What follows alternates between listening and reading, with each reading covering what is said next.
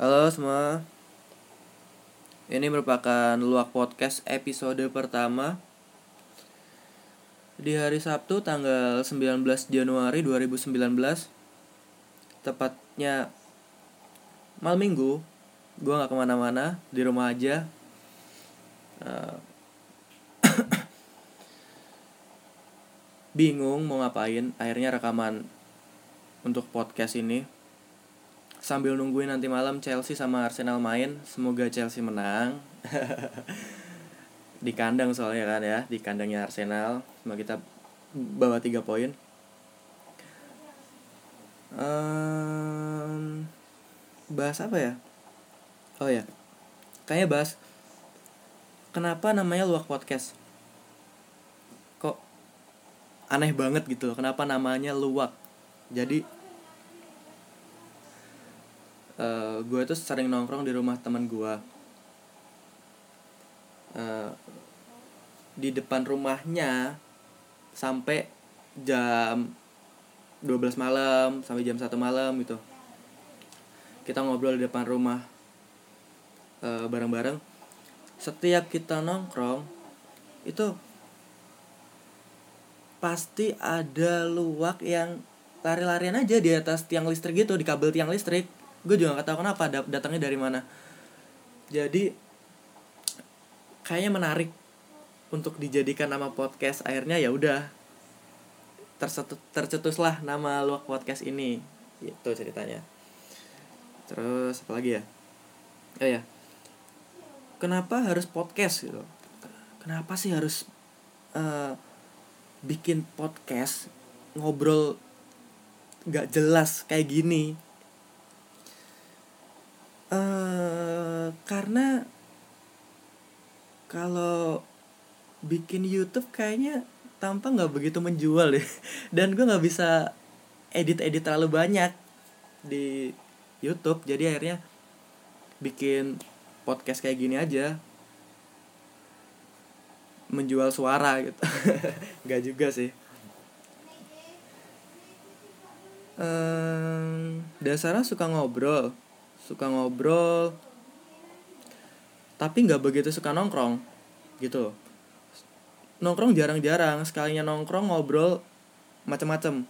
Jadi gue tuh tipe temen kalau yang di tongkrongan itu sering ngulik uh, kehidupan temen sampai ke akar-akarnya.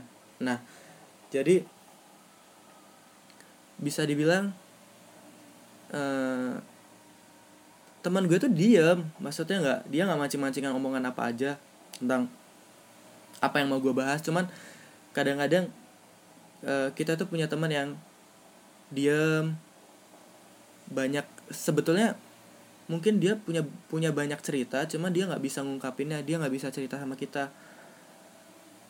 Uh, karena ya mungkin mereka bingung aja cara gimana ngungkapin keresahan mereka ke kita kalau misalkan kita lagi di, di tempat nongkrong padahal sebenarnya kan mungkin mereka mikir nongkrong ya udahlah happy happy aja kita main game kita ngobrol santai segala macam padahal bisa dibilang kalau misalkan nongkrong itu nggak cuma itu doang ya ngobrol santai oke okay. main game oke okay. cuman kalau menurut gue sih nongkrong itu tempat untuk uh, terutama kalau gue nongkrong biasanya ngopi ya. Ngopi di di di mana? Di warung kopi itu udah udah enjoy banget sih udah sama temen itu udah enak lah. Jadi kalau di tongkrongan itu lebih banyak diskusinya.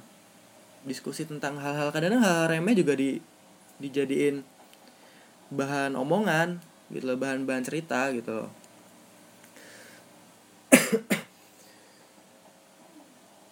oh ya gimana? Dasarnya jadi teman yang suka ngulik-ngulik uh, kehidupan temen itu ya memang sem semua orang itu punya privasi. Cuman kadang-kadang mereka mungkin uh, ada punya masalah atau punya cerita yang menarik cuman mereka nggak bisa atau bingung kadang-kadang cara cara mereka untuk ngungkapin. Nah itu kadang gue sering sering tuh tanya-tanya men ada cerita apa men lu ada masalah apa? Men lu kok gini gini gini? Akhirnya mereka cerita cerita sampai sampai dalam. Padahal sebenarnya teman gue ini orangnya tertutup gitu loh jarang cerita. Bahkan gue nggak tahu dia tuh punya pacar apa enggak uh, di di kerjaan tuh kayak apa gitu ya. Kalau di tongkrongan ya orangnya diem diem diem dieman aja udah maksudnya uh, kelihatannya happy aja. Tapi kan kita nggak tahu kadang mereka punya masalah. Mereka punya hal yang uh, pengen mereka omongin. Cuman ya mungkin takut uh, takut ngerusak suasana. Padahal mah biasa aja gitu cerita mah cerita aja. Kita juga senang gitu loh. Punya teman kan jadi pendengar yang baik kan bagus gitu loh.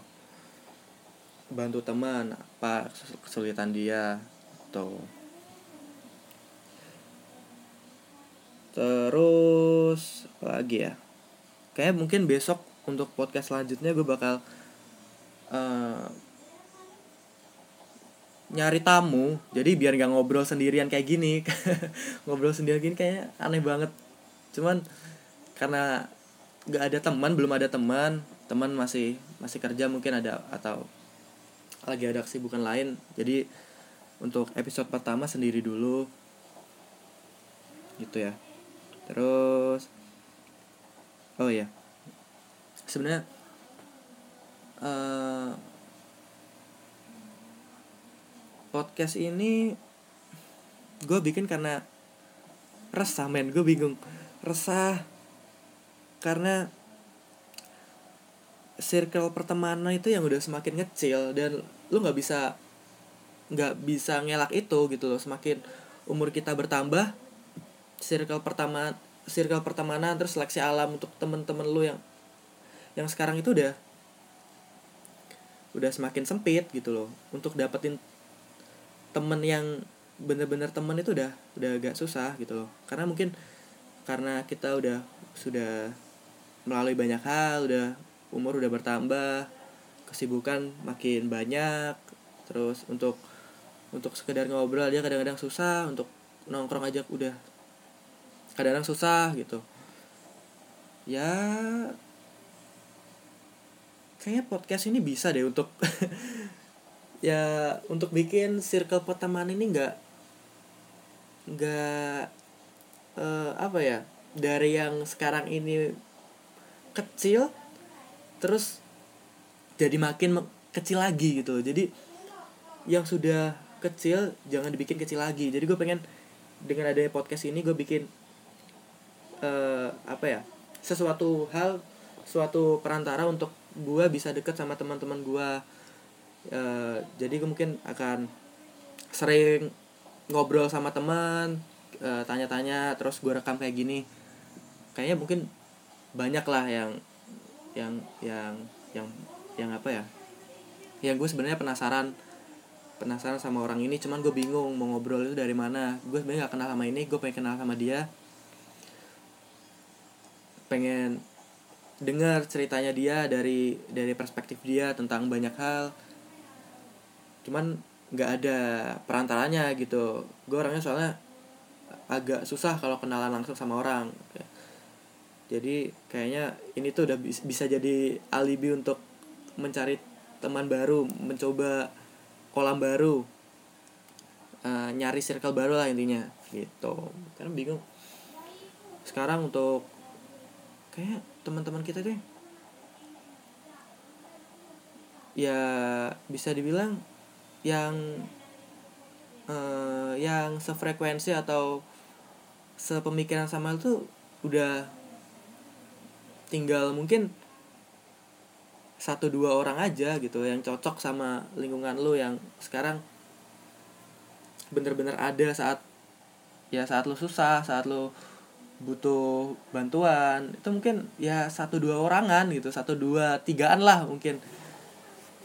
Jadi kayaknya untuk uh, apa ya lingkaran pertemanan yang mengecil ini itu udah emang udah masalah untuk semua semua apa ya semua orang yang mungkin usianya 18 tahun atau 20 tahun ke atas mungkin sudah merasakan lah seleksi alam pertemanan gitu loh. Jadi mungkin sekarang temen lu tinggal dua orang tiga orang lah yang yang bener-bener ada buat lu gitu loh sekat. Uh, waktu lu susah waktu lu seneng itu mungkin paling ya tinggal segituan lah kurang lebihnya. Ya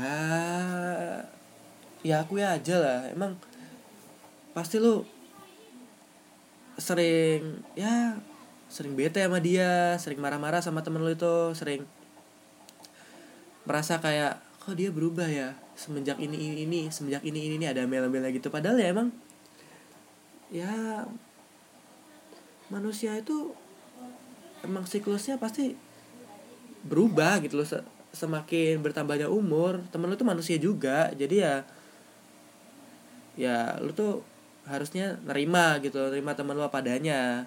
Menerima temen lu yang sekarang ya pelan pelan adaptasinya gitu. Emang kadang-kadang mungkin uh, apa namanya dia yang biasanya ngajakin nongkrong uh, seminggu berapa kali seminggu empat kali mungkin dia kan? Karena ya mungkin dia juga butuh teman terus dia tiba-tiba semakin lama semakin ke sini umurnya bertambah. Ngajakin nongkrong paling cuma satu minggu dua kali atau bahkan satu minggu satu kali gitu. Mungkin karena ya dia juga punya kesibukan sendiri gitu loh. Dia punya apa namanya uh, ya story lah jalan hidup yang harus dia jalanin. Kayak gitu. Jadi ya kita sebagai temen ya gimana harus maklumi gitu loh. Ya mungkin bukan temen lu juga ya mungkin lu sendiri kayak gitu gitu loh men. Yang intensitas nongkrong lu tuh yang biasanya seminggu berapa kali tapi kayaknya kalau gue sih enggak sih gue nggak sering nggak ya apa ya nggak nggak begitu suka nongkrong sih benar ya jadi lebih sering di kos kosan buka laptop nonton film paling main game main point blank. Ya kayak gitulah. Main nongkrong seminggu dua kali kalau ada yang ngajak. Seminggu sekali kalau mungkin sekarang karena gue sekarang kondisinya kerja juga kuliah juga jadi waktunya tuh benar-benar full banget untuk semuanya. Mungkin kalau misalkan ada ada hari, hari libur gitu lebih lebih dipakai untuk istirahat gitu loh. Mungkin kayak gitu daripada untuk nongkrong. Tapi kadang-kadang kalau misalkan anak-anak nongkrong ya ikut nongkrong sih emang itu perlu emang nongkrong sama temen itu bener-bener ngilangin stres banget. Ketemu mereka tuh yang yang biasanya gimana ya? Kita itu lagi ada masalah kita jenuh di kerjaan kita pusing di kampus. Ketemu mereka setiap minggunya aja satu kali aja itu udah sudah menghilangkan keresahan gitu menghilangkan stres segala macamnya. Ya emang harus gitu sih. Kalau nggak gitu emang pasti udah aduh nggak tau lah gimana stres banget kalau udah ngadepin kayak gini. Terus uh, kalau misalkan temen lu itu lagi ada masalah atau gimana gimana itu ya lu uh, harus cepet ngerti gitu loh. Maksudnya ya ya kayak tadi pertama tadi tuh yang gue omongin. Kadang-kadang mungkin semakin bertambahnya umur semakin banyak privasi yang dia jaga terus mungkin banyak hal-hal yang mungkin dia susah nyelesain itu sendiri gitu loh. Pengen pengen minta pendapat kita tapi mereka malu atau mereka agak agak sungkan sama kita. Ya kita sebagai teman ya emang harus harus inisiatif gitu loh. Kayak kok dia gini ya? Mungkin dari status WhatsAppnya dia gini gini ah. Ya mungkin dari mimik wajahnya kok kayaknya beda gini gini ya ya udah gitu kita tanyain kenapa alasannya kenapa gini ada masalah apa cerita men gini gini mungkin gue bisa bantu lo walaupun gak banyak gitu. Sama lu kan juga kadang-kadang kalau misalkan gue lagi banyak masalah lagi apa tuh gue sering curhat sering cerita gini-gini masalah quarter life crisis kita lah emang emang udah apa namanya fase itu ya udah di fase quarter life crisis. Jadi ya kadang-kadang perlu banyak cerita. Kadang-kadang mungkin eh apa ya di pertemanan yang kecil ini kadang mungkin dua tiga orang atau empat orangan temen lo yang benar-benar ada mungkin cuman kadang-kadang kalau misalkan diajak nongkrong udah agak susah ada apa itu sebenarnya mereka gimana ya? Uh, kadang kita mikirnya nyimpulin itu. Ini anak kok. Uh, apa ya? Kalau kita ajak nongkrong kita ajak ke mana pasti ribet gitu. Kalau orang kalau orang Jawa itu bilang kalau orang Surabaya ya bilangnya arah ini kok ruwet yo? Nek dijak ngopi kok ruwet kan lo kak. Angel kan lo nah kayak gitulah misalkan kayak gitu. Kadang-kadang gimana ya? Padahal sebenarnya kalau misalkan teman kita ngajak nongkrong atau gue sendiri kadang suka ngajak orang nongkrong ngajak teman gue nongkrong ya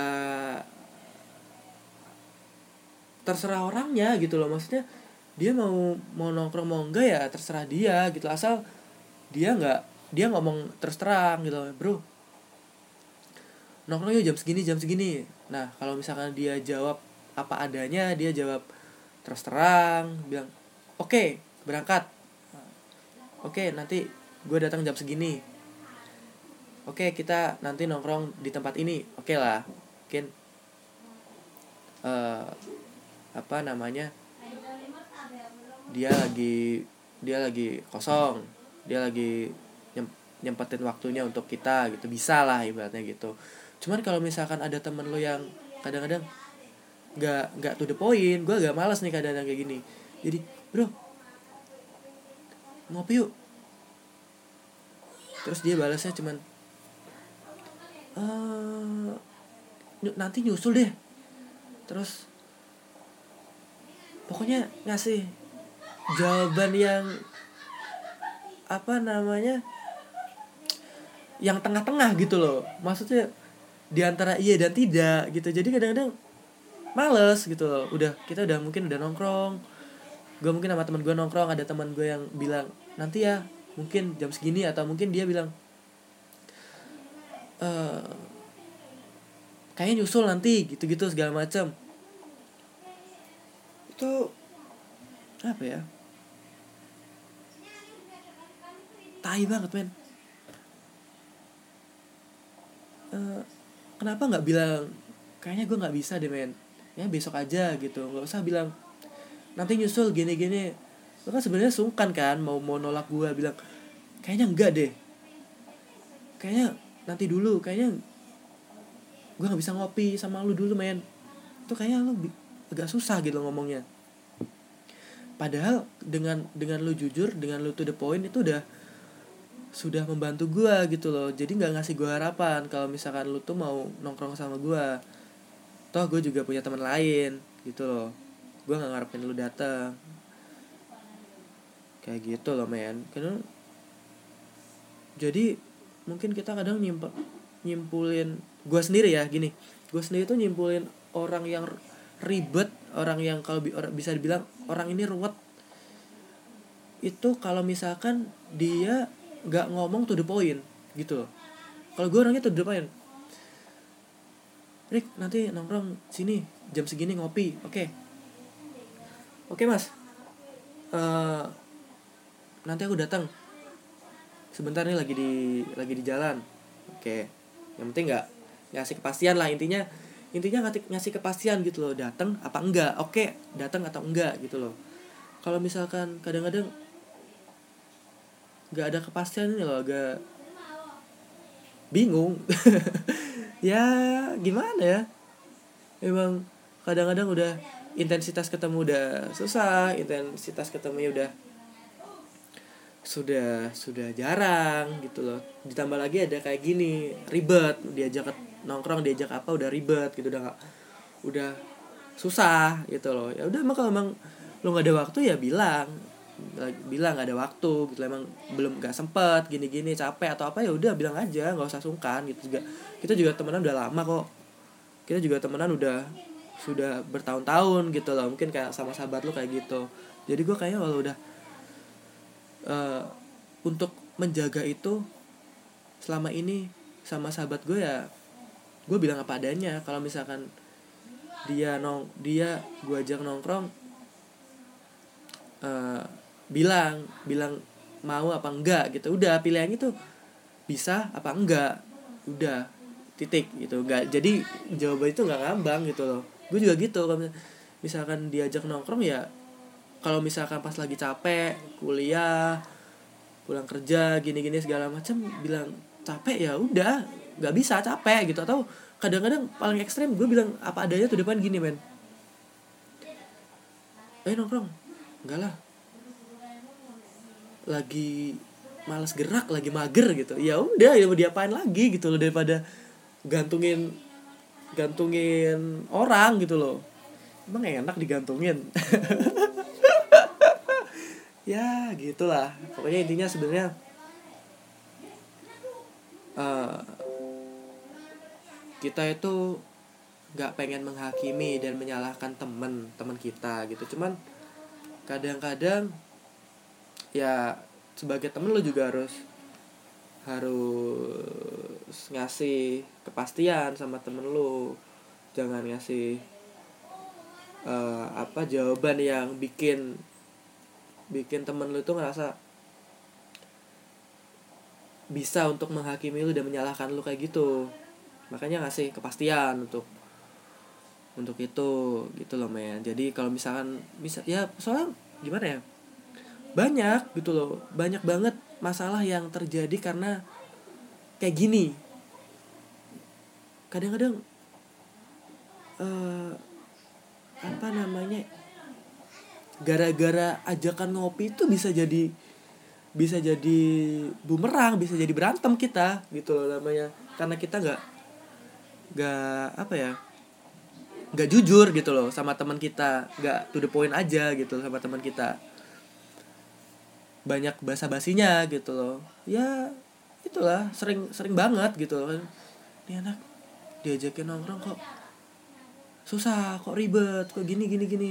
Padahal mah karena sebenarnya kalau misalkan ngomong apa adanya kita nggak ada pikiran untuk ya udahlah emang mungkin dia bila kalau dia udah ini ya udah jujur ya udah ngomong oh udah capek capek ini pulang kerja capek kuliah gini gini kayaknya besok aja gini ya udah temen lo pasti bisa nerima kok. Temen lo pasti bisa bisa apa ya paham gitu loh kondisi lo saat ini. Emang harusnya seperti itu gitu loh. Toleransi lah intinya sama temen itu. Nggak nggak usah yang saklek. Nggak usah yang ngejat langsung oh ini ini pasti gini ini pasti gini. Soalnya ke temen lu nggak bisa nongkrong temen lu eh, nggak uh, bisa apa namanya ketemu sama tuh kan karena pasti pasti ada alasannya gitu loh. Dan alasannya inilah yang bikin kadang-kadang uh, bikin kita tuh statement atau menghakimi dia gitu akhirnya timbul masalah timbul apa namanya uh, problem gitu loh yang yang kadang-kadang masalahnya sepele gitu loh. Sebenarnya kalau tinggal lo bilang gua capek men. Habis pulang kerja gue capek men. Habis pulang kuliah gue bahkan alasan yang sepele kayak gue malas gerak gini-gini ah dingin ah di kosan aja tahu segala macam. Ya udah penting jujur gitu. Orang orang juga ngerti kok uh, kondisi lo kayak apa. Itu sih harusnya penting intinya toleransi sama teman. Asal lo tuh juga jangan jangan bikin jawaban yang bikin salah sangka gitu loh. Terus apa lagi ya buat nyikapin lingkaran pertemanan yang semakin mengecil? Uh, kayaknya kita harus milih. Ini untuk untuk untuk nambah gitu ya untuk nambah temen ya. Milih teman-teman yang berkualitas sih. Soalnya uh, menurut gue sekarang itu ini ini ini gue ya gue yang ngalamin ya. Kayak gue itu orangnya agak susah uh, berteman. Dalam artian gue tuh orangnya nggak ketemu sama orang teman terus walaupun nggak sefrekuensi terus kita udahlah temenan aja. Itu nggak gitu. Gue kalau misalkan nggak sefrekuensi ya ya udah gitu. Kayak jauh aja gitu untuk untuk untuk dijadiin temen yang bener-bener intensitas untuk ngobrol untuk curhat segala macamnya itu bisa bisa lah berteman ya anak nih. Itu udah susah gitu loh. Ya pokoknya sikapin yang bener lah. Gue juga bingung juga sih. Semakin hari semakin ya itu itu aja ya temennya dibilang boring ya boring cuman kayak kita cocoknya cocoknya ngobrol sama dia se sefrekuensi se semisi sevisi gitu mungkin sama ya. Uh, hobi juga sama ya gimana lagi gitu loh. Terus kayak untuk uh, cari teman yang sefrekuensi itu susah lu harus jaga teman lu yang ini main yang frekuensinya udah kecil ini udah dijaga jangan sampai bikin mereka pergi gitu loh. Ya gitu sih palingan. Apa ya? Kayaknya dalam banget ya gue bahas kayak gini-gini nih. Tahu dah. Ini Chelsea udah mulai belum ya? Udah jam mau jam 12 sih. Terus sorry ya gue kayaknya ngomong ini belepotan tapi ya ya kayaknya lu ngerti deh intinya intinya inti intinya yang gue ngomong itu apa gitu loh. Ya udah. Aduh terakhir bahas apa ya? Kayaknya gue mau bahas oh ya tadi pulang kerja gue nonton film Jepang yang kayak 2018 itu baru tayang dan banyak diomongin orang gitu loh. Karena mungkin beda ya. Filmnya itu judulnya uh, judulnya One Cut of the Dead. Nah One Cut of the Dead ini dia genrenya tentang uh, apa ya? Mungkin komedi horror atau zombie zombie komedi gitu deh. Cuman uh, menarik banget gitu loh. Genrenya beda beda banget beda banget dari yang lain. Gini gini ya. Sinopsisnya gini. One Cut of the Dead menceritakan sekelompok movie maker ya pembuat film yang sedang membuat film zombie di sebuah gedung tua. Gedung ini bukan gedung biasa. Ada cerita yang mengatakan bahwa sebelumnya gedung tersebut digunakan militer Jepang untuk percobaan mem percobaan membangkitkan mayat hidup. Hingga kemudian hingga kemudian zombie zombie zombie sungguhan datang dan meneror para aktor yang ada di gedung tua tersebut. Nah, uniknya syutingnya itu tetap jalan. Jadi ada zombie beneran uh, ada zombie beneran dan sutradaranya tetap tetap nyalain kamera itu gitu loh uh, apa ya menariknya dari kayaknya zombinya tuh skeptis banget gitu loh men. Pemeran utamanya itu dibilang bisa acting yang enggak juga ditambah lagi zombinya tuh klis. Cerita zombinya tuh klise banget konfliknya maksa dan twist twist plotnya itu bikin aduh kok gini ya kok film ini gini ya? Movie ini kok gini ya? Aduh kayak jelek banget ya cuman kayak untuk itu kalau nggak salah lo bakal mikir film ini tuh aneh banget film ini jelek terus gini-gini. Itu 30 menit di awal men. Untuk selebihnya kayaknya kekesalan lu uh, berakhir di situ gitu loh. Langsung dibales dengan apa ya? Gila, kayaknya langsung dibikin epic comeback gitu loh sama film ini. Nah kayak gitu. Jadi ada sutradara pengen bikin film zombie. Uh, tiba-tiba ada zombie beneran. Nah karena si si uh, siapa namanya sutradaranya ini pengen bikin zombie yang seperti uh, nyata akhirnya ya dia nggak kabur man dia tetap tetap syuting lanjut gitu loh. Dan yang lain itu bener-bener uh, castingnya ini bener-bener ketakutan. Ketakutan banget karena emang zombinya beneran gigit orang tangannya putus segala macam ya beneran gitu loh. Cuman karena sutradaranya ini rada wah gimana ya?